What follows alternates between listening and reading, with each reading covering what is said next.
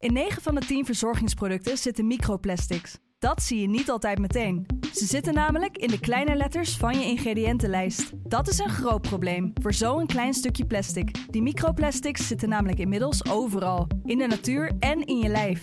Gelukkig zijn er ook merken die gewoon microplasticvrij zijn. Want dat het anders kan, dat weten we bij Weleda, Lekker Company, Marcel's Green Soap, Naïef, Smaal en Witlof wel. Dus check de kleine letters. Die hebben de grootste impact. De Pantelich podcast wordt mede mogelijk gemaakt door Unibed.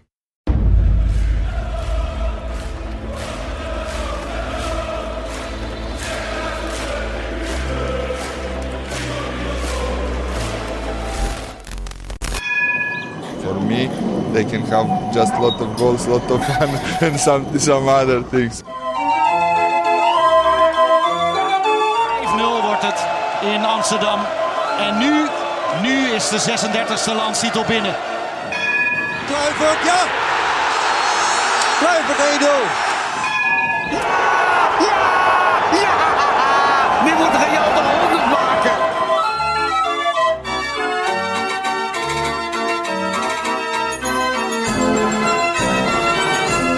Het is dinsdag 17 januari, tijd voor een nieuwe Pantelic podcast. Ajax won wederom niet. En wij zitten niet in onze eigen rood-witte studio, maar in die van de FC Afkikken Daily door beschikbaarheid van de studio. Vandaag geen Kevin, geen Bart, geen Wesley, geen Danny Vroger, maar een goed lachse advocaat naast me. Ja, hoe is het met je, Lars? Ja, goed. Met mij gaat het heel goed. Ik ben vooral benieuwd hoe het met jou gaat. Ja, goed. Ik ben er druk mee, hè. De mensen weten dat eh, misschien wel dochter gekregen. Ja. Dezelfde dag als eh, Danny. Ja. Dus eh, ja, dat is weer eh, druk. En eh, druk met werk, maar gaat goed. Nu heb je er drie thuis. Ja, drie, drie, meisjes. drie meisjes. Is het nu ook echt een... nou ja, hoe- druk is dat? Ja, dat is wel druk. Ja, je moet veel doen, maar het is leuk. Maar je Ja. komt weer even hier langskomen. Goed dat je er bent. Hoe is het met de liefde voor Ajax? Is die hetzelfde nog steeds? Nou, het is, er wordt wel op de proef gesteld. Maar ja, ja in goede en slechte tijden, moeten we dan zeggen. Ja, eh, over goede en slechte tijden gesproken. Vanaf deze positie willen we onze compaan, compagnon Kevin Kavinski even veel sterkte wensen. Hij twitterde eh, afgelopen zaterdag dat hij voor het eerst in hele lange tijd niet bij Ajax was. Ehm, dat heeft er alles mee te maken dat zijn moeder komt, eh, komt te overlijden in de komende dagen. Ja, sterkte, En, Kev. heel veel sterkte. En we hopen je daarna ter zijne tijd weer terug te zien hier. Maar dat, ehm, dat overstemt dan toch even voetbal. Hè? Ja, zeker. Soms is dat ook... ehm, ik zag afgelopen weekend Emmen Cambuur. Dat heb je ongetwijfeld ook Ja, zeker, ja. Er is natuurlijk veel kritiek op supporters. Vorige week hadden we bij Den Bosch Ajax. eh, leek net Fort Knox hoeveel politie daar was. Maar soms laten supporters ook zien dat ze het goed kunnen. Ja, fantastisch. Echt heel mooi om te zien. Ja. Dus, ehm, nou ja, goed. Laten wij het eh, over Ajax gaan, hebben. Dat is ook niet al te vrolijk. Vijf wedstrijden inmiddels in de competitie op rij niet gewonnen. Hoe zit jij naar dit Ajax te kijken? Wat is jouw algemene? Nou, eh, ten eerste heel teleurstellend, omdat je toch een soort van de hoop hebt. Oké, Twente komt, dan zal iedereen wel in hebben, eh, doorhebben. Dit is een goede tegenstander. Nu gaan we ja, een stapje extra. We gaan ervoor. Een nieuwe periode breekt aan. Dat was mijn hoop. Ja. Ik vond het tegen NEC niet super slecht. Als je heel eerlijk bent, was het niet slechter dan bijvoorbeeld het jaar daarvoor onder Ten Hag. Maar ja, als je dan nu dit zag, dit was wel, ja, dit deed wel pijn aan mijn ogen. Ik zat in de rust echt van, ja, oké, wanneer gaan we hem tegenkrijgen? Ja, op een gegeven moment, ik stond, eh, ik stond ook in het stadion. Het was weer een van die zaterdagen dat ik vrij was. Gevrijwaard van de wedstrijdeditie en gewoon lekker met mijn vrienden op stap kon. Dus van tevoren waren we hier, eh, hier in het centrum. We hadden wat biertjes gedronken. En ik zat er lekker in. En toen die eerste tien minuten Ajax Twente. En ehm, op een gegeven moment zei iemand, tikte me ook aan van, heb jij het überhaupt wel naar je zin? Ik zeg, nou ja, nee, het, ziet er toch niet uit. Het is, het is Nee. helemaal niks. En ik heb tot nu toe wel elke wedstrijd, en dat heb ik ook weer richting komend weekend, ik kan, ik kan niet het gevoel hebben van, ehm, nou ja, deze wedstrijd gaan we verliezen of zo. Snap je wat ik bedoel? Als ik naar, naar Twitter of zo kijk, er zijn best veel mensen van tevoren negatief. Dat kan ik me ook wel inbeelden, maar ik heb dat zelf niet. Ik heb eigenlijk altijd nog steeds, nou ja, inmiddels echt ongepaste arrogantie van, nou ja, dit gaan we wel winnen. Nou ja, door de geschiedenis heen is Feyenoord heel vaak een heel goed medicijn gebleken voor slechte tijden. Maar ja, je kunt toch onmogelijk als je nu de afgelopen wedstrijden van Ajax en misschien ook delen van Feyenoord hebt gezien, denken van ja, we gaan daar makkelijk winnen. Ja. Nou ja, richting komende zondag moet ik nog even bepalen hoe ik erin sta. Maar afgelopen zaterdag dacht ik wel van we gaan winnen. Dan zie de opstelling. Roelie, Sanchez, Rens, Timber, Bessie, Alvarez, Taylor, Klaassen, Concessao, Brobby en Tadic. Dat betekende dat Bergwijn nog niet fit genoeg was om te starten. Dus hij hoefde nog niet echt harde keuzes te maken. Rens startte weer centraal achterin. Waar ik daar vorige week best positief over was, pakte dat nu wat minder lekker uit. Hè? Ja, ja, dat is het grootste probleem toch? Het voetballend vermogen in de verdediging. Ik denk dat het middenveld en de aanval op zich uh, goed genoeg zijn om kampioen mee te worden. Ja. Maar wat je ziet van uh, ja, met name Sanchez en Bessie aan de bal. Oeh, dat is wel uh, ja, pijn aan je ogen. Ja, twee, twee Ajax onwaardige backs qua voetballend vermogen. Ja, ik zie het ook wel een beetje in de balans. Kijk, ik denk als je drie zeg maar goed voetballende verdedigers zou hebben, dan kan je zelf Sanchez er misschien wel bij hebben en Mhm. zeker Bessie. Maar ja, als er geen van vieren echt gaat opbouwen, ja, dan wordt het wel problematisch en dan, ja, dan blinken die twee nog uit in nog, ja, eh, nog slechter opbouwen. Ja, dat, eh, dat ben ik helemaal met je eens. Hij probeert dat een beetje te ondervangen met, met het experiment tussen haakjes. Wat, wat Rens is, centraal, naast Ja. Timber. Tegen NEC was ik daar eigenlijk nog best wel over te spreken. Vond ik het een stuk beter dan vorig jaar tegen Vitesse. Nu zakt hij eigenlijk door de ondergrens. Hij speelde al niet goed. Pakt hij eigenlijk heel onhandig een rode kaart. Van Ja. Wolfswinkel vertrekt. Maar dan mag hij best vertrouwen op zijn snelheid, toch? Ja, het was een eigenlijk. eh, kijk, dat, dat je. Hij schatte die bal verkeerd in. Ja, dat kan gebeuren. Maar dan ja, zou ik zeggen, ren eromheen. En Sanchez was volgens mij ook nog aan het terugrennen. Ik heb geen idee of die het nog zou halen. Maar ja, je krijgt dan toch nog een. En een keeper komt nog uit en zo. Dus ja, de kans dat dat een goal wordt is er niet zo groot. Of nou ja, niet, nee, dat is niet waar. Maar dat is nog lang niet zeker. En dan denk ik, ja, dan kan je hem beter laten lopen. En kijken of je hem nog inhaalt. Ja, ik snap wat je, heel goed wat je bedoelt. Ehm, eigenlijk was het een soort zegen voor Ajax, die rode kaart. Toch? Want qua organisatie en zo stond het daarna een stuk beter. Ja, en ik denk, ja, en ik denk dat je ook wel het geluk hebt dat dan toch Twente een soort van kleinere club is die dan toch eigenlijk schrikken van oké, we zijn veel beter en we hebben 11 tegen 10. Ik bedoel, ja, ik denk niet dat Ajax zeg maar zo dan de rust bewaart, maar dan zouden ze gewoon vol erover gaan als ze in zo'n situatie komen, ook in Enschede. Ja. En dan zou ik ook denken dat ze scoren. En hier lieten, ja, Twente was eigenlijk, leek wel of ze, sch- ze schrokken van, oh, we kunnen echt winnen. Ja, ik zat een beetje eh, nou ja, die, wedstrijd te observeren. Er is natuurlijk veel te doen rondom uh, Zerouki van, eh, van FC Twente. En die speelde een goede wedstrijd. En die geeft dan af en toe een paar ballen door, door de as heen. Waarvan je denkt van ja, dat, dat is precies wat af en toe ontbreekt bij Ajax. Ik zeg niet dat Zerouki het antwoord is, hè, absoluut niet. Maar gewoon, ik mis, ik mis een soort onvoorspelbaarheid bij Ajax. Die je wel uit een, uit Concessao haalt. Ja, Maar, maar op de rest van het veld, je kan precies zeggen wat er gaat gebeuren. Ja, maar dat is, heeft natuurlijk ook te maken met een goed draaiend team. Als je, ja, de rest van het team met Twente draait ook goed, dan kan je die passes ook geven. Het is ook lastiger. Ik bedoel, ja, Taylor en Klaassen voetbalden in principe ook niet eh, fantastisch natuurlijk. Maar dat, ja, gezien de situatie waar ze in waren, denk ik wel van ja, die kunnen in principe goed genoeg zijn voor een kampioen zelf al. Ja. En eh, ja, dat is met Saruki natuurlijk anders. Ik vind het wel grappig, want hij is dan heel... eh, ja, hij legt zich erbij neer en zo. En dat wordt allemaal... iedereen vindt dat fantastisch. Maar ik denk, ja, je kan ook gewoon met een paar deuren slaan... en dan speel je bij Feyenoord. eh. Ja, precies. Ja. Als je gewoon. Als je zegt, ja, ik, ik, ik blaas de boel op. Ja, Ik succes. ja, ja, ik, eh, Ja. ja. dan eh, ben je gewoon weg. Maar Ja. goed, dat, daar kiest hij niet voor. En dat is eh, misschien heel netjes. Hey, even een paar eh, spelers uitlichten. Kennen Taylor. Ja, Gewoon ehm, nou ja, een een beetje een nonchalante voetballer. Wat hem af en toe heel erg meezit, maar af en toe ook tegenstaat. Afgelopen weekend, ik zat nog de samenvatting terug te kijken. Zie je hem een aantal keer echt terug shocken. Ja. Ehm, irriteer jij je daaraan of valt het wel mee? nee, dat valt wel mee eigenlijk. Ik heb wel gewoon het idee, maar ik ben, ik ben altijd vrij positief van aard. Maar dat het, dat het met een paar kleine verbeteringen nog best wel wat allemaal zou kunnen worden. Juist ook door Taylor. Ik denk dat Taylor echt een prima voetballer is. Ja, natuurlijk als je zo'n slechte wedstrijd ziet als afgelopen eh, zaterdagavond. Dan eh, vallen er heel veel door de mand. Maar in de basis is Taylor natuurlijk goed genoeg. Ja. ja, ik heb nog steeds wel gewoon dat ik. En dat heeft niks met Taylor te maken, maar het gif van Berghuis mis ik gewoon. Ja. Nu die deze week af, afwezig is door ziekte. Eh, de rol van Brian Brobby? Ja, dat is nou iemand eh, voorin waar ik wel aan twijfel.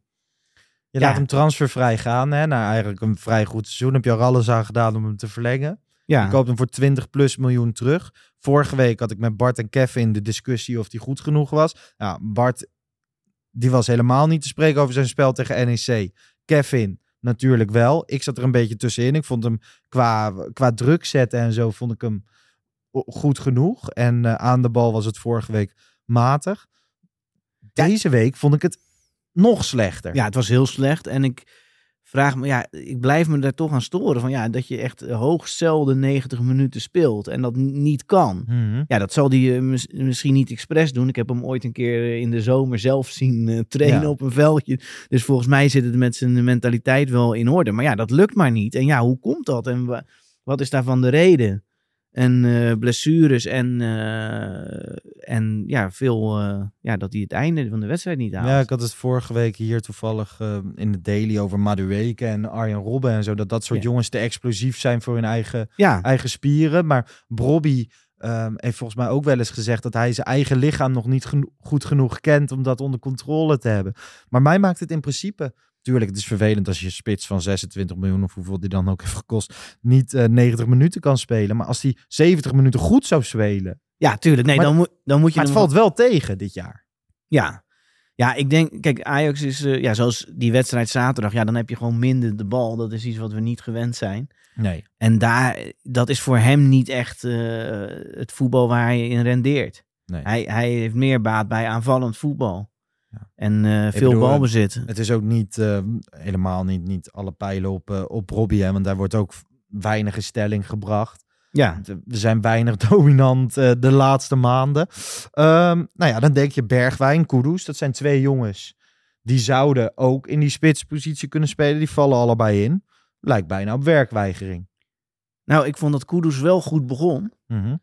Maar ja, daarna zakte het in. Ja, ja ik weet niet of het werk... Ik heb Maar zo... Bergwijn was verschrikkelijk. Ja, maar dat... Kijk, werkweigering, dat suggereert dat je er gewoon geen zin in hebt. Ja. En eh, dat zou ik niet per se willen zeggen. Ja, Ber- bij Bergwijn maak ik me wel echt zorgen of die ooit nog, zeg maar, of die een vaste kracht wordt bij Ajax. Want ja, ik vind, kijk, ik weet dat er ook kritiek is op Tadic, maar ik ben best wel positief op Ta- over Tadic, ook in de zin van zijn rol. Dus hij is wel degene die gewoon terugkomt, even een, een gele kaart pakt, zeg maar. Mhm. Oh, Hij laat die instelling zien, hij pept die, die andere jongens op. Hij is wel echt een leider wat dat betreft. En dat, ja, dat heeft Bergwijn niet. Die is en geen- zijn cijfers zijn nog altijd Ja. heel erg goed. ja, klopt. Ja, dus dat is. Ja, ik, ben, ik kan alleen maar positief zijn over Tadic. Ja, en dan, dan moet Tadic links, links staan. En Ja, rechts. Ja, Conceição recht. Want dat is ook wel echt, echt een lichtpunt, vond ik. Conceição. Kijk, je Hmm. krijgt een beetje Younes-vibes. Van, oké, je kan goed dribbelen, maar ik, zie, ik zag hem ook verdedigen. Ik zag hem eh, ingrijpen eh rechts achterin. Ik zag hem eh, goed dribbelen, gewoon op zijn eigen helft. En hij is gewoon op dit moment niet te stoppen qua dribbel. Ja, Nee. dat is natuurlijk wel echt een asset. Ja, dan moet nog meer... Tuurlijk, de schot moet harder worden. De passes moeten nog beter. Ah, dat is een beetje de vraag. hè. Wordt het een Younes of een Ja, uitblinker in? Kan die die laatste stappen op Ja. die gebieden zetten? Maar op dit moment is elk stukje onvoorspelbaarheid en elk stukje waar mensen vrolijk van worden ehm, al goed.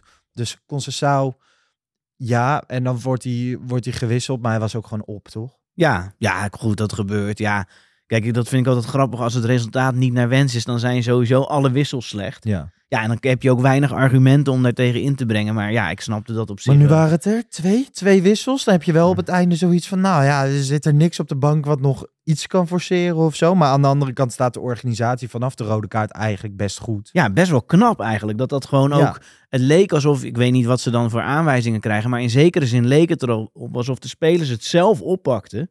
En zelf gewoon eh, een nieuwe rol innamen. En eigenlijk, ja, want dan moet je eigenlijk toch ook Klaas en Taylor, zeg maar, met z'n tweeën op het middenveld. Dat is best, Ja. dat is best bijzonder. Ja.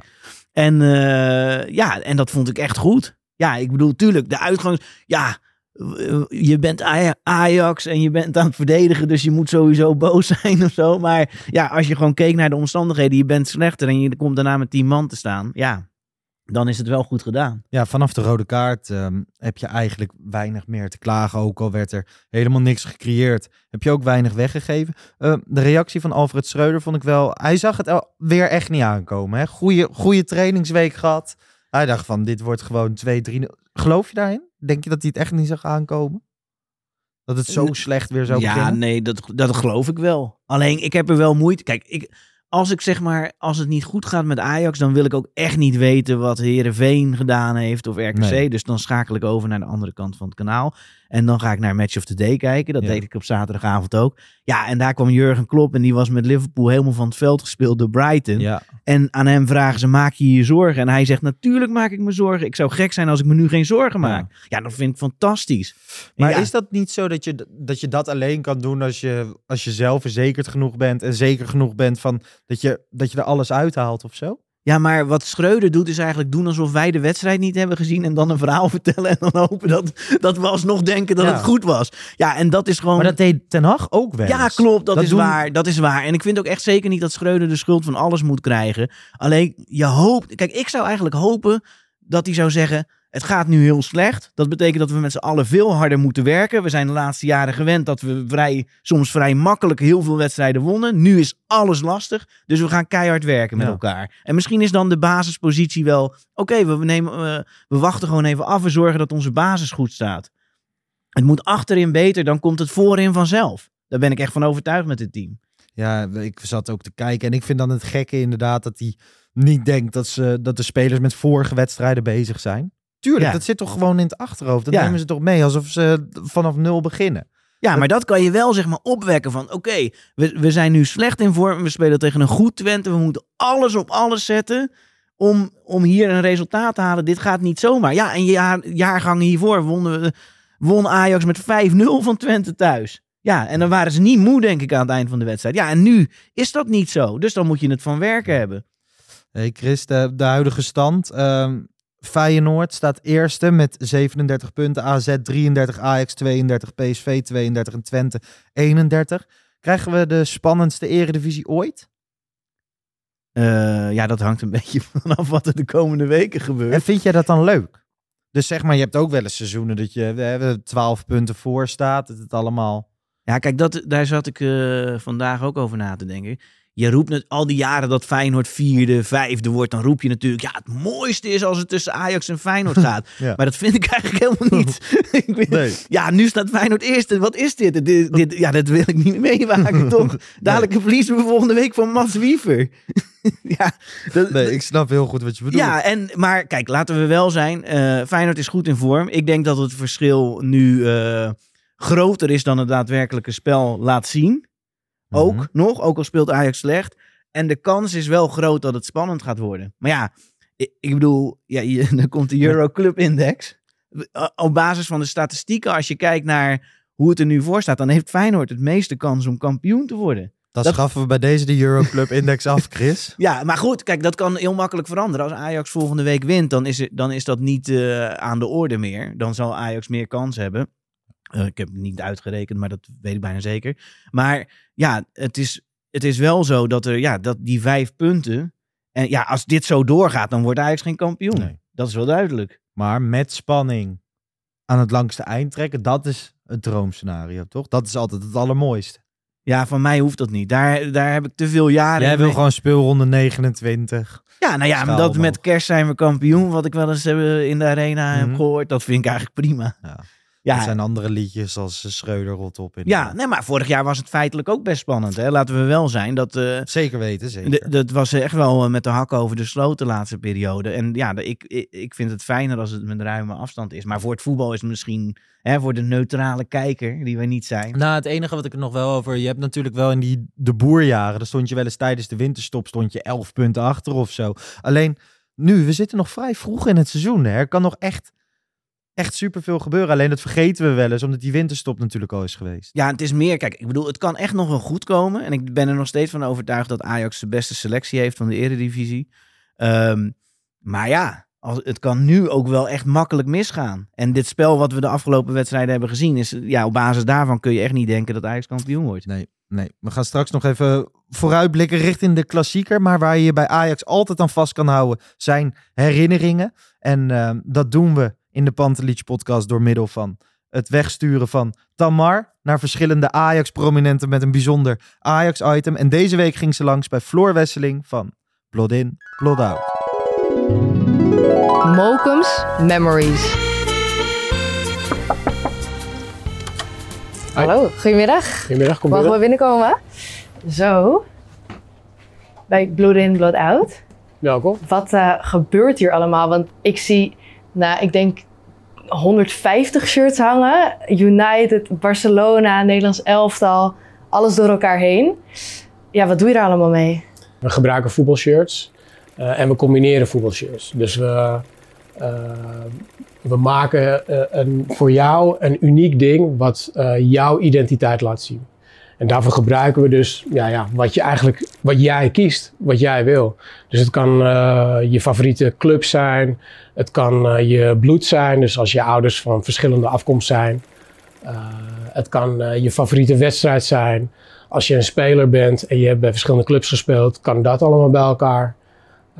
Ja, echt van alles. En heb je ook grote spelers voor wie je verschillende shirts hebt gemaakt? Jazeker. We hebben uh, voor Ronaldinho, Van der Vaart vind ik een goeie. Snyder, Edgar Davids. Uh, echt heel veel. Dolberg vond ik ook heel cool. Het verhaal van Dolberg was, van deze was... Ehm, hij was hier een fotoshoot aan het doen voor Mhm. zijn Instagram met allemaal dure auto's. En Ja. hij stond er heel ongemakkelijk bij. À la En, eh, Dolberg. Ja. en ik, we keken vanuit het raam. Zo, hey shit, dat is Dolberg. En we hadden dit shirt al gemaakt. Dit is zijn Deense club met die, dat uitshirt voor Ajax. Mhm. Met die kruisen. En eh, nou, dat werd dus gewoon een Amsterdamse vlag zo. Heel subtiel. Dus ik rende naar beneden en van, hé hey man, hier, je shirt, weet je. Ik ben uh, Ajax ik vind je tof, hier heb je shirt. En hij zo, what the fuck? Dus uh, hij trekt het aan.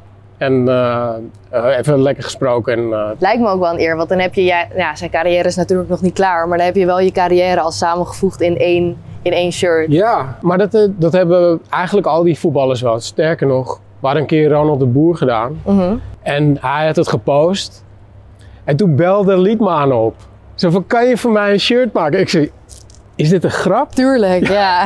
Hè? En, en toen zei hij van, ja, maar dan en dan ben ik er. En maak alsjeblieft een shirt voor me, ik vind het helemaal te gek. En dan maak jij een fotootje en zo. En ik zei, ja, is goed. Zo hadden we 's ochtends een ontbijtje met Jari. Oké, maar ik ben benieuwd. Ik wil meer zien, Ja. meer Ajax. En ja, boven.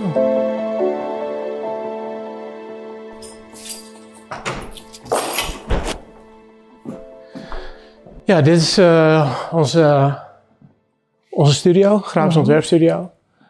Eh, daar heb ik eh, een collectie shirts die ik niet verknip, zeg maar. Er zit ook wel veel Ajax 95 bij en ouder. Ja, dit zijn wel hele haast zonde om er schaar in te gaan zetten. Ja, toch? dit gaat echt niet gebeuren.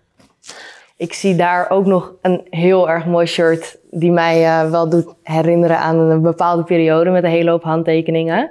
Dat is die van 2017, als ik het goed heb. Ja. En wat was het verhaal achter dat shirt? Want van wie zijn die handtekeningen? Hoe kom je eraan? Ehm, ik heb Blood in Blood Out gedaan. Mhm. En dat doe ik nog steeds. Eh, maar door dat project eh, werd ik eh, ontwerper bij Nike.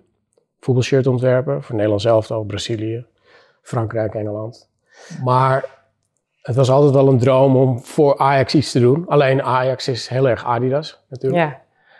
Uh, maar toen ik stopte bij Nike en ik hier weer ging werken als echt grafisch ontwerper, uh, toen belde Nike weer op. En het waren gewoon uh, vrienden, weet je, waar ik vroeger mee had gewerkt. En die, die zeiden van ja, zoals je weet, er is een finale in Stockholm. Dus we moeten wat doen. In het Ajax 1 speelden heel veel jongens op Nike, kiksen. Mhm. Uh, en we hadden een elftal bij elkaar. We hadden Traoré, Viergever, Sinkgraven, uh, Nouri, uh, Lasse Schöne, Kluivert, Justin Kluivert, Sanchez en Frenkie de Jong. Die toen nog echt zo van, wie ben jij eigenlijk? hele Maar- jonge jongen. Ja, ja. En eh, ik, ik vergeet er vast nog, oh Neres. Maar goed, Ajax is Adidas zal altijd zo blijven, denk ik. Mhm. We moesten een soort van list verzinnen van hoe krijgen we die gasten eh, op die foto. Want we wilden een hele simpele, rauwe foto maken. Zwart-wit. En eh, met een soort van eh, stiftstreep door hun gezicht heen. Een rode streep. En eh, toen hadden we bedacht, ze trainen op een bepaalde dag op de toekomst. Maar we huren een, de, het, het indoor tennis dingetje bij Borgland af. Ja. Er zat een gat in het hek aan de achterkant bij de toekomst. Konden ze via het hek even wegsluipen. En dan snel binnenkomen door een deurtje, hadden we openstaan. En dan eh, eh, een, een widescreen neergezet. Konden ze er even voor staan en weer weg. Toen had ik ook dit shirt neergelegd van... Hé hey, gasten, zet even een handtekening. Want dan heb ik een mooi aandenken, weet je wel. Was je vervolgens ook bij die finale in Zweden tegen United? Jazeker, ja. En hoe was dat? Nou, de, we, hadden, we hadden dus die uh, fotoshoot gedaan, posters gemaakt. En het idee was dat we die een week later de hele stad onder zouden gooien met posters. Uh, dat was ook gelukt. Dat was uh, in één nacht gewoon heel Amsterdam vol met posters op winkelruiten. Al die paperbussen en zo. Losse posters. Uitgedeeld ook aan verschillende mensen en zo. En ondertussen waren wij in diezelfde nacht, de, ons, het, het Mokum's Finest team, Mm-hmm. waren keihard aan het zuipen. Zo van, het is gelukt en zo. En morgen gaan we naar die finale. We made it. Ja, en dat was, nou, dat, dat, dat, dat werd steeds korter slapen, zeg maar. We reden Denemarken in en ergens 9 uur s ochtends. Edwin van Zanen, sportsmarketing, krijgt een belletje vanuit het hoofdkantoor van... Hey, uh, het blijkt dat, dat, we, we hebben een campagne gedaan, maar uh, Ajax heeft net gebeld. En uh, alles moet weg. En hoe lang hing het er toen? Nou, toen hing het dus net, ze hadden het s'nachts dus opgehangen. Het zal het zijn een paar uurtjes, maar dat mensen het hebben gezien is, nou ja, de ochtendspits. Ja. Toch? De ochtendspits, that's it. Um, en uh, ik denk dat het een paar uur heeft gehangen en, en dat, dat natuurlijk, het had zo'n impact, het was overal in Amsterdam, mm -hmm. dat natuurlijk mensen van Ajax en Adidas dus, het ook hebben gezien. Die merken en helemaal ook gek werden. Ze van, wat is dit, weet je? Nike doet de Ajax-campagne, terwijl, ja, dat, dat kan contractueel helemaal niet. Uh, en dat, we lagen helemaal in een deuk in die auto, behalve Edwin natuurlijk. Uh, want die moest het even oplossen met een jurist. en, uh, maar het had zijn doel al bereikt. En mede ook omdat we, we hadden eigenlijk bijna per ongeluk, hadden we allemaal toffe filmpjes gemaakt en gifjes van de foto's die we hadden. En die spelers zelf vonden het helemaal te gek. Dus die hadden het al op hun kanalen gegooid. En dan heb je ze al. Dat was dan heb je alle ajax natuurlijk al binnen. Dat was al genoeg. En je hebt er nog steeds een mooie herinnering aan. Ja, zeker. Ook al is het misschien niet even leuk afgelopen, de finale en de campagne. Het was geweldig. Het, het, ook dat we hebben verloren maakte niet zoveel uit. Het was... Uh, um, de weg er naartoe was natuurlijk al uh, ja. een hele bijzondere. Ja, ja zeker.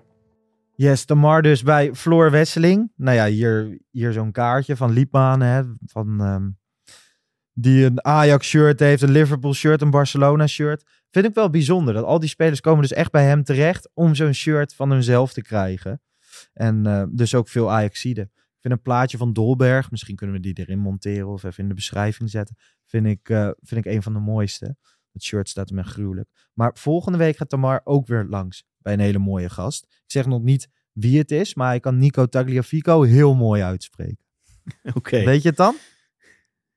Of niet? Oh, ja, ja, ja. De, dan weet je het. Ja, dan weet hey, um, de bestuurlijke chaos, Chris. Hoe kijk jij daarnaar? Zit je in uh, kamp iedereen oprotten of uh, nee, helemaal, genuanceerder? Helemaal niet. Ik denk sowieso dat we de invloed van, het, uh, van de directie ook weer niet moeten overschatten. Ik bedoel, we hebben allemaal de Kruifrevolutie meegemaakt, uh, waarbij iedereen rollend over de grond ging en Ajax kampioen werd. Ja, ja ik bedoel, als jij rechts Constantiao, denk je dat hij zich heel erg uh, druk maakt over wie er bij wie is. Oké, okay, natuurlijk. Hè, en, het, groot, het hete hangijzer is natuurlijk een technisch directeur. Ja. Nou ja, de...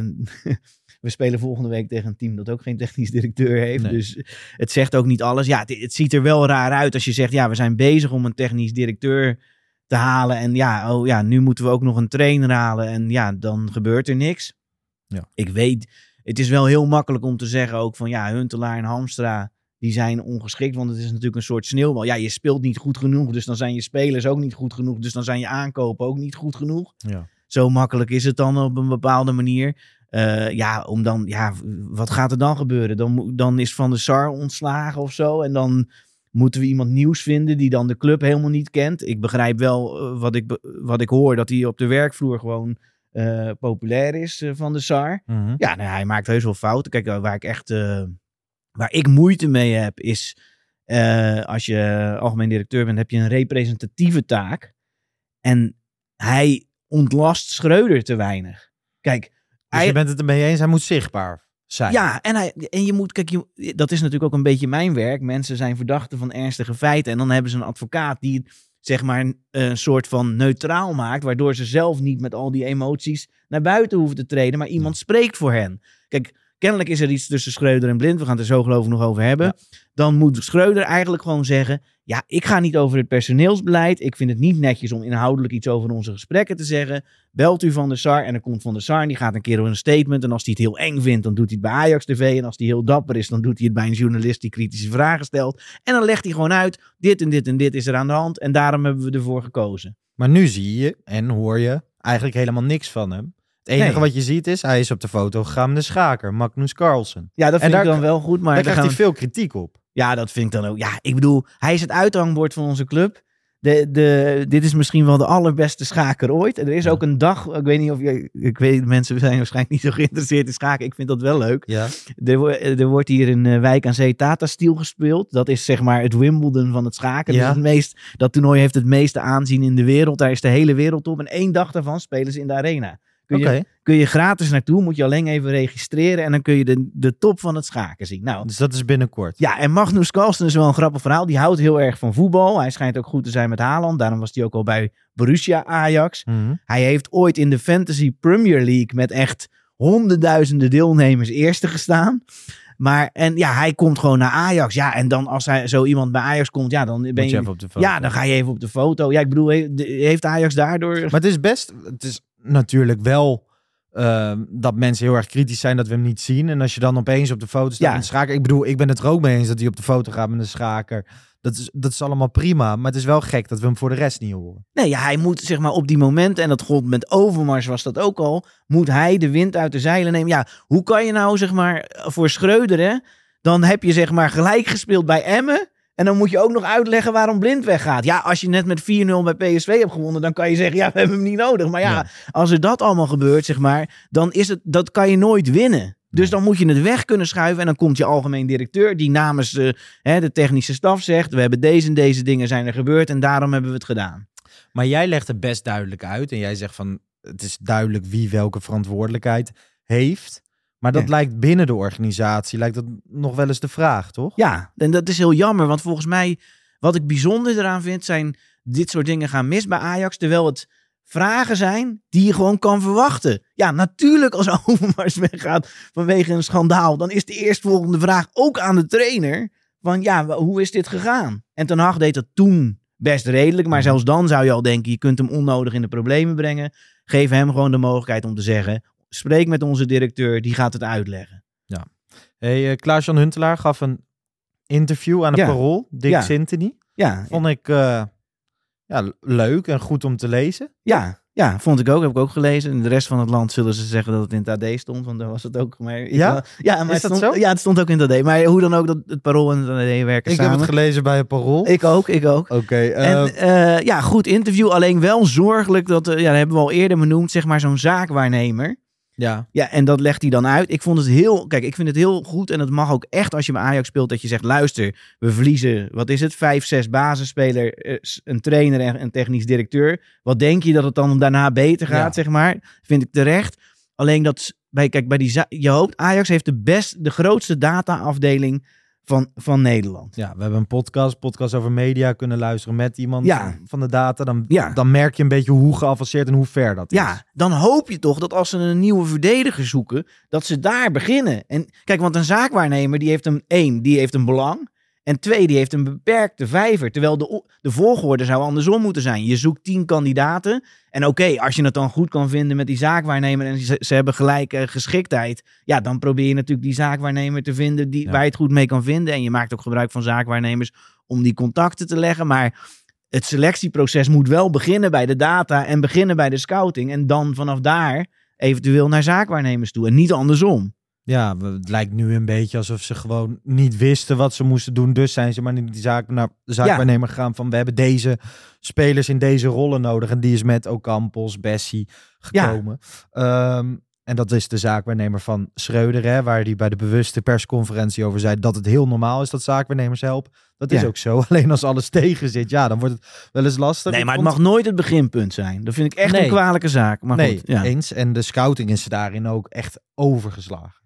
Ja, en ik denk dat dat, dat is to- eh, zijn toch verhoudingen. Ja, ga jij maar zeg maar als, eh, eh, als scout dan zeggen, ja, Schreuder, eh, dat mag je niet doen. Ja. Nee, dus ja, daarin is natuurlijk ook die functie van zo'n zo'n technisch hart, die moet, dat moet consistenter zijn dan eventuele trainers die misschien wisselen. En dan Ja. hoop je dat zij de kennis al hebben. En dan Dan nu alleen de pech dat alles in één keer Ja, alles wegviel was weg, ja. Overmars en, en Ten Hag. De hele basis viel weg. Ehm, daarover zei Huntelaar ook. Wat mensen goed moeten beseffen is dat het hart uit de club is gerukt. Als iemand negen jaar directeur is bij Ajax en in die rol bijna vijf jaar heel nauw samenwerkt met de hoofdtrainer, dan is er iets opgebouwd. Dan zijn de lijnen kort en, gaan de, en staan de structuren. Als die twee speelfiguren vertrekken, verlies je in één klap heel veel kennis en kunde. Ehm, ja, en dat, dat is natuurlijk zo. Huntelaar liep stage. Nou ja, Hamstra was daar voor jong Ajax en de Ja. jeugd. En opeens moesten ze het met z'n tweeën dragen. Het is, ik vind het nog steeds gek dat we nu negen maanden verder Ja. zijn. En dat ze geen, ehm, of nog langer zelfs, bijna een jaar, ehm, dat ze geen mandaat hebben. Of dat er geen andere technisch directeur is, toch? Ja, een van die twee moet het zijn. En eh, ja, misschien, misschien kunnen ze het blijven doen. Maar dan, eh, ik weet niet per se of dat te slecht is. Dat is voor mij te makkelijk. Maar dan Ja, moeten wij ze... kunnen niet hun functioneren beoordelen. Nee, nou, dat is sowieso heel lastig, toch? Bij veel van alleen dat soort de, dingen. De aankopen kijken. Hij zei wel, hè, dat is wel interessant, waar Overmars en Ten Hag snel konden beslissen, kwamen wij in een situatie waar we met meer mensen binnen Ajax moesten overleggen.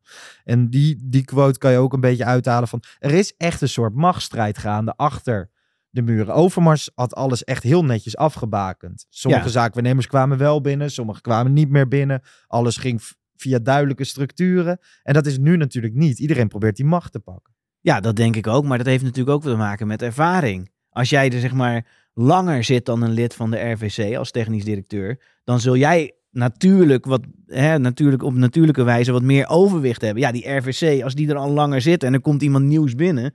Ja, daarom denk ik ook, ja, als je alles wegstuurt, ja, dan komen weer allemaal mensen die moeten wennen aan de club. Ja. Moeten we... Dus ik zeg niet dat je mensen niet verantwoordelijk mag houden voor hun functioneren. Maar ja, alles maar wegsturen omdat de rechtsback het niet goed doet. Dat is ook wel weer eh, te ver. Gaat ook te Had ver. jij, ehm, had jij wel afscheid genomen van Schreuder? Nu of na Emmen? Ja, weet ik niet. We- vind ik wel heel lastig. Kijk, het is duidelijk dat als Ajax geen kampioen wordt met dit team, dat, dat, eh, ja, dat de trainer daar ook schuld aan heeft. Maar ik, ja, en, en wat dan? Zeg maar, dat is, de, uit onderzoek blijkt gewoon dat trainerswissels op zichzelf niet helpen. Dus Mm. als je het doet, dan wil ik iemand die dan ook, waarvan we ook aan het begin van volgend seizoen denken dat hij het beter doet. En niet omdat we nu boos zijn, omdat het dan vier, eh, wat is het, vier of vijf wedstrijden, geen overwinning. Dat is natuurlijk een schande, maar ja, Het is niet dat het voor die reeks van vijf wel heel goed ging. nee. Gewoon alleen die eerste wedstrijd. Gewoon, het was toch best te verantwoorden geweest als je na Emmen, dus voor die winter, uit elkaar was gegaan. Ja, dat kan. Maar ja, wat krijg je er dan voor terug? En stel je verliest aankomende zondag in Rotterdam. Ja, dan wordt het, is het kampioenschap heel ver weg. En misschien wel onmogelijk. En dan gaat hij eruit, toch? Ja, dat zou goed kunnen, maar ik weet niet of ik daar blij mee ben. Kijk, ik bedoel, wat ik hoor is, en dat vind ik dat je bijvoorbeeld ook tegen Twente weer dingen van kan zien, dat het technisch en tactisch best wel in orde is. Ja, en dan is het gewoon, zeg maar, en hij is op zichzelf, eh, ik denk in de basis een betere prater dan Ten Hag. Maar ja, als jij de halve finale Champions League hebt gehad, dan, gehaald, dan luisteren ze Ja, naar je. Gaat het... ja, ja dus, dus de basiskwaliteiten zijn er. En hij, ja, hij zal ook moeten wennen om bij Ajax te werken. En nog even terug naar Huntelaar. Die zegt van ik heb een contract tot de zomer van 2024. Hij wil een nieuwe structuur bouwen. De jeugd moet de basis zijn. Hij wil dus blijven. Ik begreep eh, best lange tijd dat hij twijfelde aan zijn, aan zijn rol. En of dit was wat hij, wat Ja. hij wilde. Maar hierin zegt hij toch van nou ja, dit is mijn, dit is mijn toekomst. Ja, En dat vind ik wel leuk om te horen. Want Huntelaar gewoon zelf als, als persoon en hoe hij naar buiten komt. Is het altijd wel, eh, toch? Is een publiekslieveling, een clubman. ja zeker. Ik vind, eh, ja, hij heeft de kwaliteiten die, er, die hem daarvoor eh, geschikt maken. Ja, kan hij goed onderhandelen met Real Madrid? Ja, ik weet het niet. Geen we, idee. We moeten het zien. Maar ja, op zich, eh, ik vind het een plezierig overkomen. In, In elk geval een, een guitig bekkie. Ja, ja en hij, is, hij is nuchter en hij is, ja, hij heeft wel kwaliteiten die hem geschikt maken. Nou Ja, voetbal tegenwoordig als zes in de zesde klasse ergens in, in het oosten van het land. Oh, dat wist ik niet, maar uh, nou ja. Dus, um, nou ja, goed. Hij heeft direct een lastige situatie moeten verwerken. Daily Blind, hij zei uh, daar zelf over dat uh, Daily Blind een verzoek bij Ajax heeft gedaan. Eerst via zijn zaakwaarnemer. Hij wilde transfervrij vertrekken. Hij had het nog ook nog even over Tagliafico, hè, dat Blind zich daardoor niet gesteund voelde. En um, natuurlijk, ik heb nog met Daly gespeeld. En het liefst wil je dat een speler die zo aan Ajax verbonden en verknocht is, op de schouders de arena wordt uitgedragen. Maar helaas is dit een uh, lelijk vertrek. Ja. Ja, en Blind reageerde eigenlijk vrij snel bij de NOS. Dat hij niet blij was met de woorden van Klaas-Jan Huntelaar. Dat hij er later nog op terugkomt, volgens mij. Uh... Ja, ik moest wel zeggen, ik, ik had dat bij de NOS nog niet gehoord. En dan sprak ik met een vriend van me over in, op de ja. tribune. En toen dacht ik eerst, wat is die nu gewoon zelf, zeg maar, gelijk? Uh... Maar ja, dat was volgens mij een item wat al gepland stond. Mm. En toen werd hij hiermee geconfronteerd. Dus ja. dan snap ik het wel beter. Daily Blind dan, hè? Ja, sorry, Daily Blind. En wat voor mij lastig is, ja, we weten gewoon niet wat de inhoud is tussen die ja, ruzie of wat dan ook. Uh, tussen Blind en Schreuder. Dus we kunnen eigenlijk ook niet echt... Ja, kennelijk Schreuder kreeg van iedereen de schuld, uh, zeg maar, de afgelopen ja. weken. Dat wordt nu minder. Um, we kunnen het ook niet echt beoordelen. Maar ja, ik vind het wel raar dat iedereen nu doet alsof Blind de oplossing is. Hij heeft 180 minuten gespeeld tegen PSV en Napoli en 11 goals tegen gehad. Dus uh, het is niet dat, uh, dat hij de, per se de oplossing is. Nou, ik vind het nog steeds grappig. En dat benoemde ik vorige week ook al. Maar dat heb ik afgelopen zaterdag ook weer ervaren. Dat ik ben vrij rustig en stil in het stadion. Dus ik, ik, roep niet Schreuder rot op. Ik, ik ben ook niet een hele uitbundige juicher. Tenzij het uh, tegen Olympique Lyon thuis en zo is. Ik juich wel, maar gewoon redelijk rustig. En gewoon, er staan dan mensen omheen. Die hebben die hele eerste seizoen zelf staan schreeuwen dat Blind moest oprotten. En dat hij op de bank gezet moest worden. Weet je wel, want op een gegeven moment was het Blind en Tadic hadden een beetje de schuld. En nogmaals, om mij heen werd Blind niet vol uitgefloten of zo. Maar hij werd wel eens, hij kreeg wel eens de Zwarte Piet toegespeeld. Ja. En, um, en nu zeggen precies die mensen dat inderdaad Blind de oplossing is. Ervaar jij dat ook in het stadion? Ja, nou, nou, niet zo in het stadion, maar in zijn algemeenheid. Ja, misschien zit ik ook, kijk te veel op Twitter, maar in zijn algemeenheid is dat wel wat er gebeurde. Maar ik, aan de andere kant vind ik wel, kijk, Blind heeft gewoon te weinig waardering gehad voor zeg maar zijn periodes mm. bij Ajax. Ja. Dat is wel, en ja, hoe dat precies komt, dat is best wel lastig. Aan de ene kant denk ik omdat zijn gebrek aan snelheid iets is wat je vanaf een tribune heel goed ziet. En dat goede Pasen misschien toch minder, zeg maar, hoe hij het doet. En ook omdat hij er gewoon heel gewoon uitziet, toch? Hij zou gewoon bij een middelgroot bedrijf op de IT-afdeling kunnen zitten. ja, en dan, en dan worden mensen daar misschien uh, sneller boos op of zo. Ja. Omdat, ik weet het niet, maar ja, dat is wel jammer. Want het is natuurlijk, uh, hij heeft een fantastische dingen voor Ajax gedaan. Ja, dat, uh, dat ben ik met je eens. En ik heb nog steeds wel een beetje, of tenminste, nu beide kampen zijn een beetje aan het praten. En er zijn overal, overal meningen over. Ik heb ook nog wel steeds het gevoel dat beide kampen best wel eens gelijk kunnen hebben voor hun eigen belangen. Ja. En voor wat hun uitmaakt. Dus dat het uiteindelijk, er moest een keuze gemaakt worden. Ajax heeft voor Schreuder gekozen. Dat is vervelend voor Blind. Ja, maar ik vind niet, kijk, als, er één, zeg maar, als het echt zo is dat hij niet accepteerde dat hij wissel werd, mm-hmm. dan heb ik daar wel moeite mee. Gezien het spel ook, zeg maar. Maar hij zegt zelf van, hè, ja, ik heb altijd in mijn carrière, ja, dat zal allemaal best. Ik maar... kan alleen maar zeggen dat mensen die mijn carrière bekijken, zien dat ik een vechter ben en dat ik niet zomaar wegloop als ik een keer op de bank zit. Nou ja, kijk Ja. even naar zijn carrière. Ja. Heb je het gezien? Is hij een vechter? ja, ik vond het Ja, een wel. opvallende zin. Ik vind, ja, nou, ik snap wel wat hij zegt. Hij is uitgejoeld, uitgelachen. Toen moest hij naar Groningen toe. Voor iemand die heel zijn leven in de jeugd bij Ajax speelt. Ja. Toen hij 15 was, kon hij naar Arsenal toe. Noem het maar op. En dan kom, word je gewoon naar FC Groningen gestuurd. ja. Ja, en, en het hele publiek fluit je uit. Terwijl je al twee generaties lang je best doet voor die club. Dus dat is echt, dat heeft, dat heeft hij ook als heel heftig ervaren. En toen is hij wel gewoon teruggekomen en weer. En gepraat ook met psychologen en gewoon weer het gedaan. En gewoon heel goed teruggekomen bij Ajax en een transfer naar Man United verdient. Dus ik snap wel wat hij daarmee bedoelt. Alleen de feiten zijn wel, we weten dat hij op 6 november tegen RKC voor het eerst werd gewisseld. Ongeveer, of misschien is hij een keertje op 70ste minuut, maar toen echt vroeg. 22 oktober was RKC toch? Oh, was het 22 oktober? Nou, dan, maar in ieder geval in november heeft hij eh, een aanvraag gedaan om, Klopt. om weg te gaan. Dus ja, da- als daar een verband zit.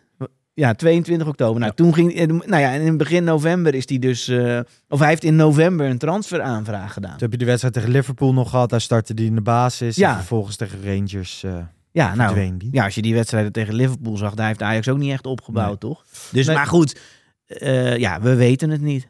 Nee, eh Daily Blind hopelijk. Gaat het hem goed in München? En hij komt dus eh, eerdaags met zijn kant van het verhaal. Laten wij eh, naar een van mijn favoriete onderdelen van de Pantelich podcast gaan. Pantelich Roulette.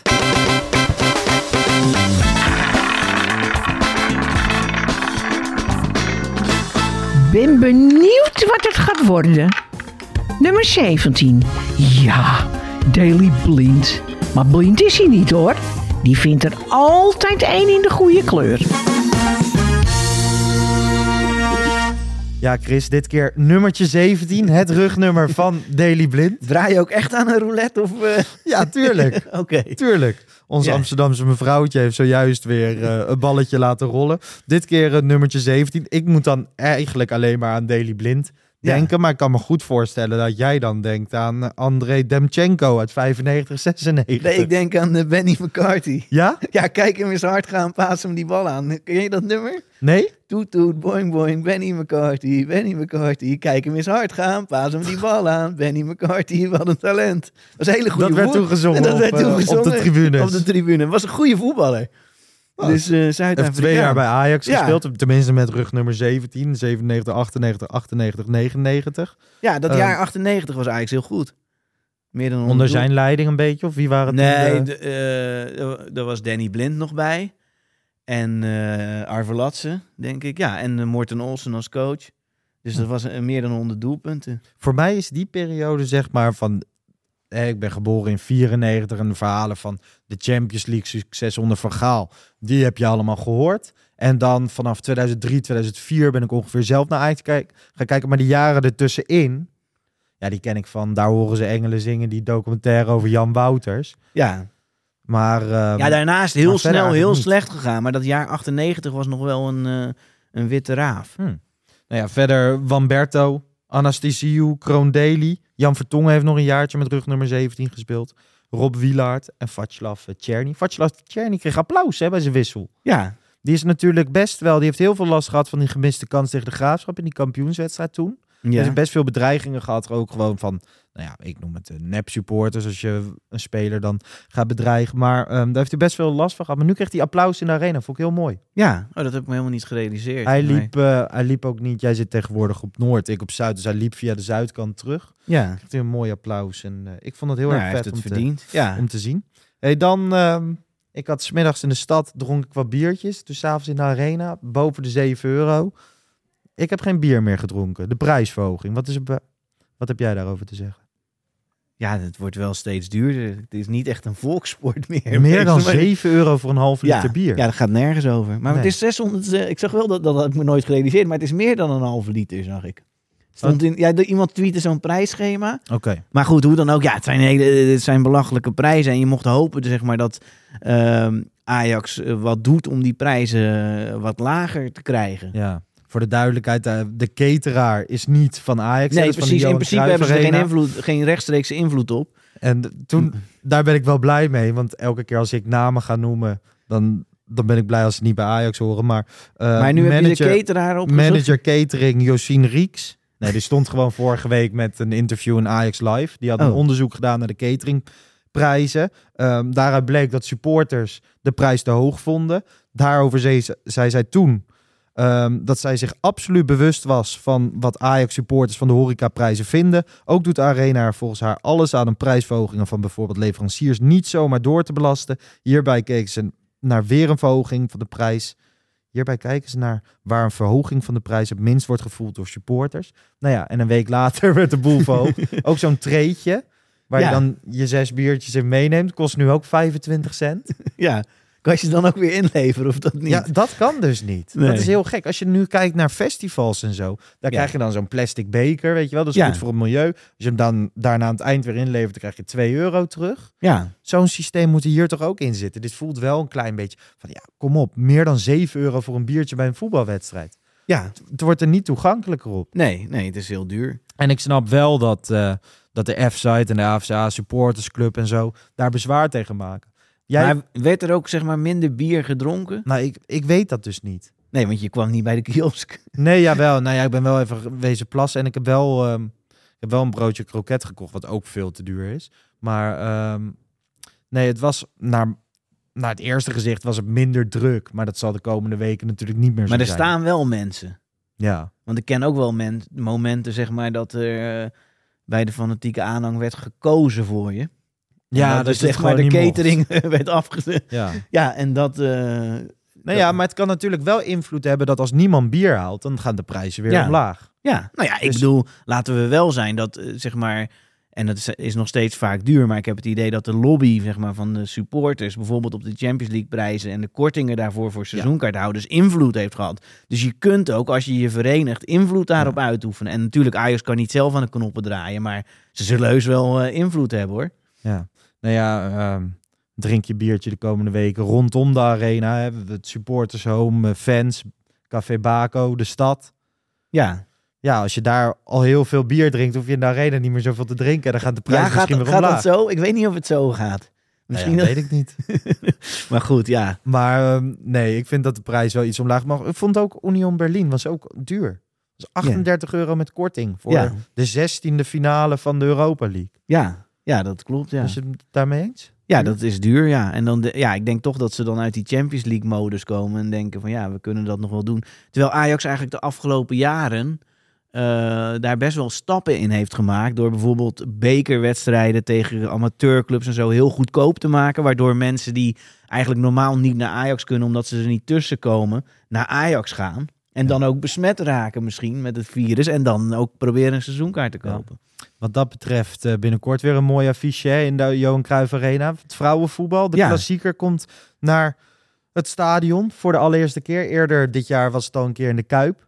Ja, geschikt voor vrouwen en kinderen, toch? Ja, dus... eh, Ja, maar ik vind dit wel. eh, we- eh, sommige mensen hebben helemaal niks met vrouwenvoetbal, sommige wel. En dat is, dat is allemaal, vind ik, oké. Je hoeft er niet naar te gaan kijken. Het is niet Nee. verplicht. Ik vind ook niet, je hoeft er ook niet tegen te zijn. Dat slaat dan weer nergens op. Zelf vind ik het wel leuk dat ze het in de arena Ja, en ik hoop ook dat er veel mensen komen. Het is toch een mooie kans. En het is een mooie kans om mensen kennis te laten maken met de arena. Ja. Dus eh, ja, dat verdienen ze ook. Ga jij erheen? Ja, ik ga er wel heen, ja. Met de kinderen en zo. En eh, familie en ooms. En, eh, Ja, het is op eh, welke datum? eh, 4 maart. 4 volgens mij. maart. Om half vijf op zaterdag. is ja. het, hè? Om half vijf. Ik ga, ik ga ook kijken. Ik was van plan. Ik had eh Audrey, die is voor Ajax en die gaat regelmatig. Die is regelmatig voor de Pantelich podcast ook naar Ajax geweest. Die vroeg ik van, ehm hey, zullen, we, zullen we samen gaan? Maar zij ging al met het hele voetbalteam. Ja. Het is echt wel, ehm, het is ook een soort erkenning, hè? Een volgende stap in het Ja, vrouwenvoetbal. het Dus zou mooi zijn toch als dat altijd in het stadion kon zijn.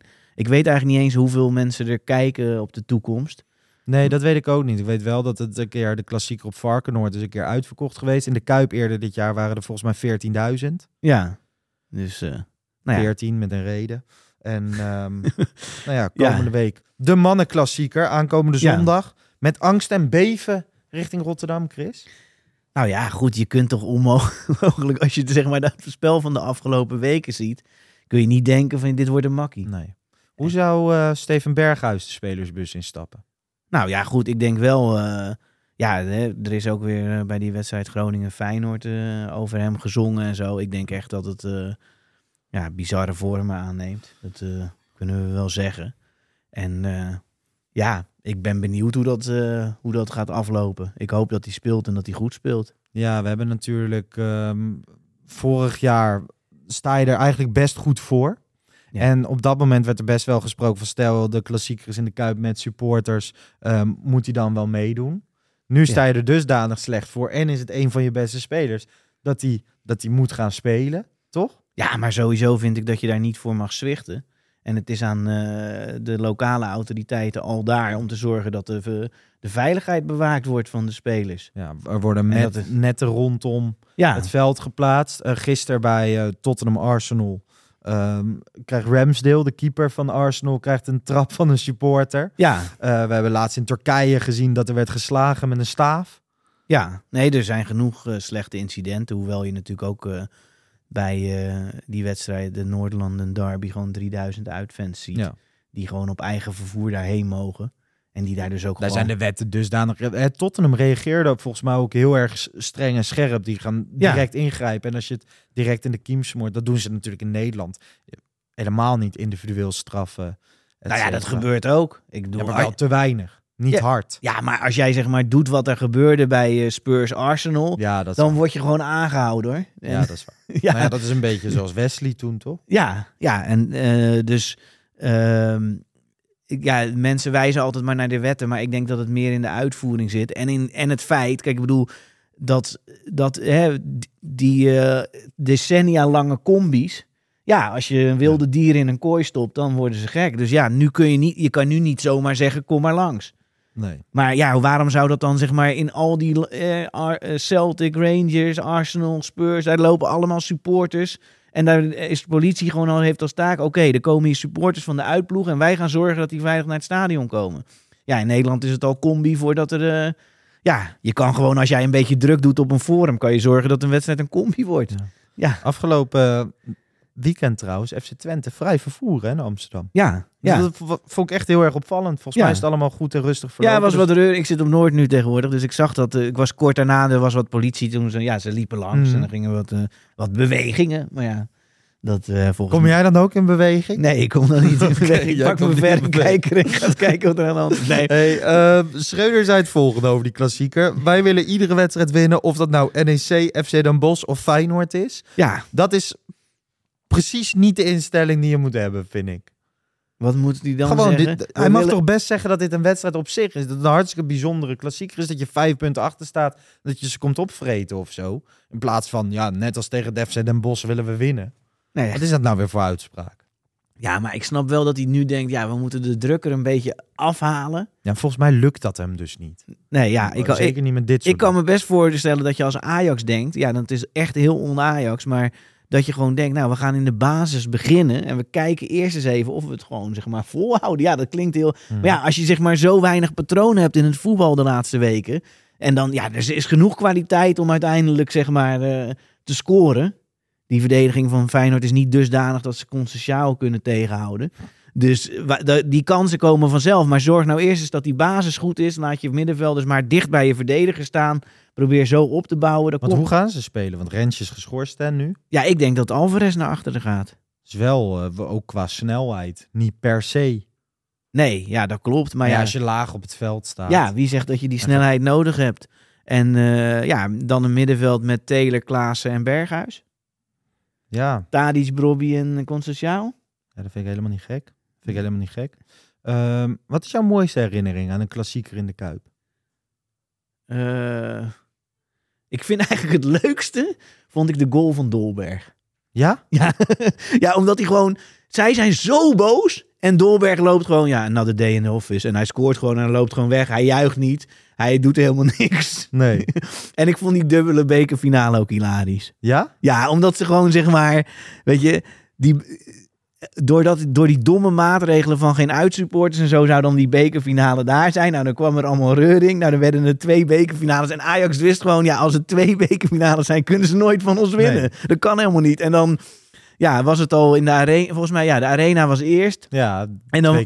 Ja, en dan win je het daar ook nog makkelijk. En kijk, ik vind het helemaal geen nadeel hoor, dat, het, dat er publiek is. Want ze blazen zichzelf op.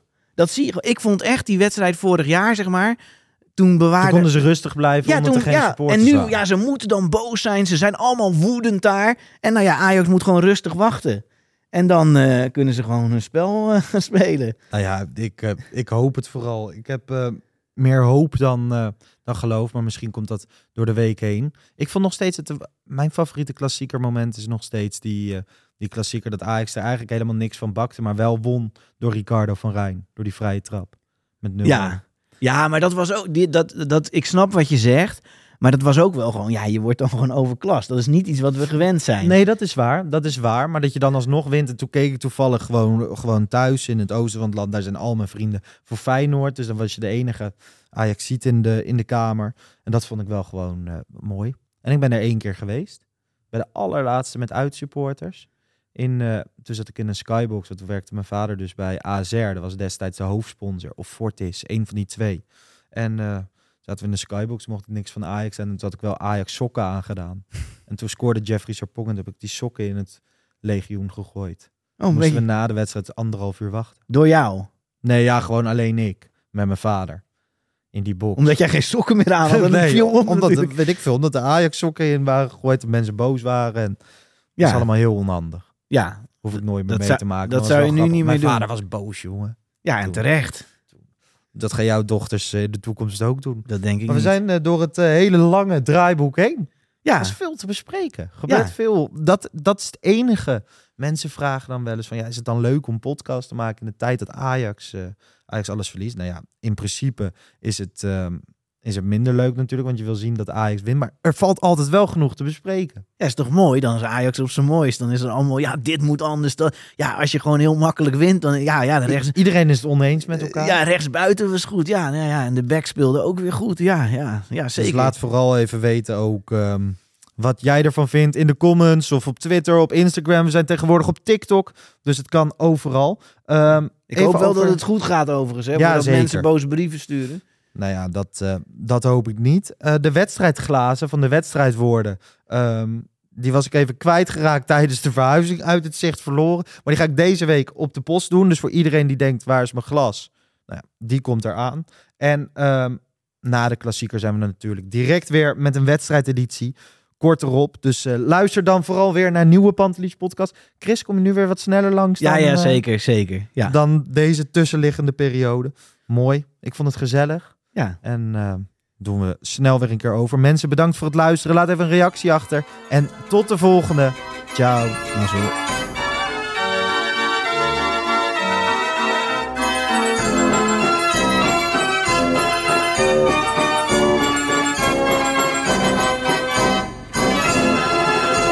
Let's go Ajax.